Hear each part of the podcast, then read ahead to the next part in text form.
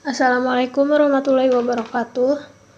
Nama saya Dinda Meita Rahman dengan NIM 1801373 dari kelompok 7 akan menjawab pertanyaan dari Dina Yala, kelompok 9. Pertanyaannya yaitu, mengapa metode yang diusulkan kategorisasi adopter penting untuk menentukan karakteristik yang harus dimiliki seperangkat kategori? Seperti yang kita ketahui, adopter adalah orang yang memakai atau menerima suatu inovasi. Adopter dapat diklasifikasikan berdasarkan kemampuan inovasi mereka dan berdasarkan kecepatan mereka mengadopsi suatu inovasi yang diperkenalkan.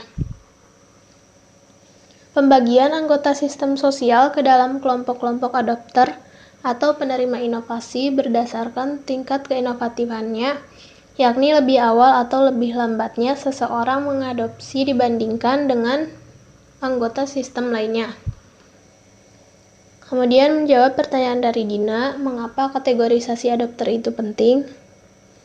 Karena dengan metode kategorisasi adopter ini, dapatlah kemudian disusun strategi difusi inovasi yang mengacu pada kelima kategori adopter, sehingga dapat diperoleh hasil yang optimal sesuai dengan kondisi dan keadaan masing-masing kelompok adopter.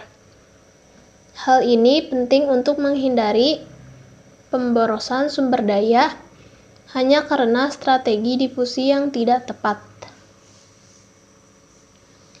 Kemudian, strategi untuk menghadapi adopter awal misalnya haruslah berbeda dengan strategi bagi mayoritas bagi mayoritas akhir, mengingat gambaran ciri-ciri mereka masing-masing. Kemudian menurut Rogers menggambarkan kategori adopter sebagai berikut. Terdapat lima yaitu innovators, early adopters, early majority, late majority, dan laggards. Yang pertama, sekitar 2,5% individu yang pertama kali mengadopsi inovasi. Cirinya petualang, berani mengambil resiko, mobile, cerdas, kemampuan ekonomi tinggi. Kemudian yang kedua perintis atau pelopor. 13,5 persen 13,5 persen yang menjadi para perintis dalam penerimaan inovasi.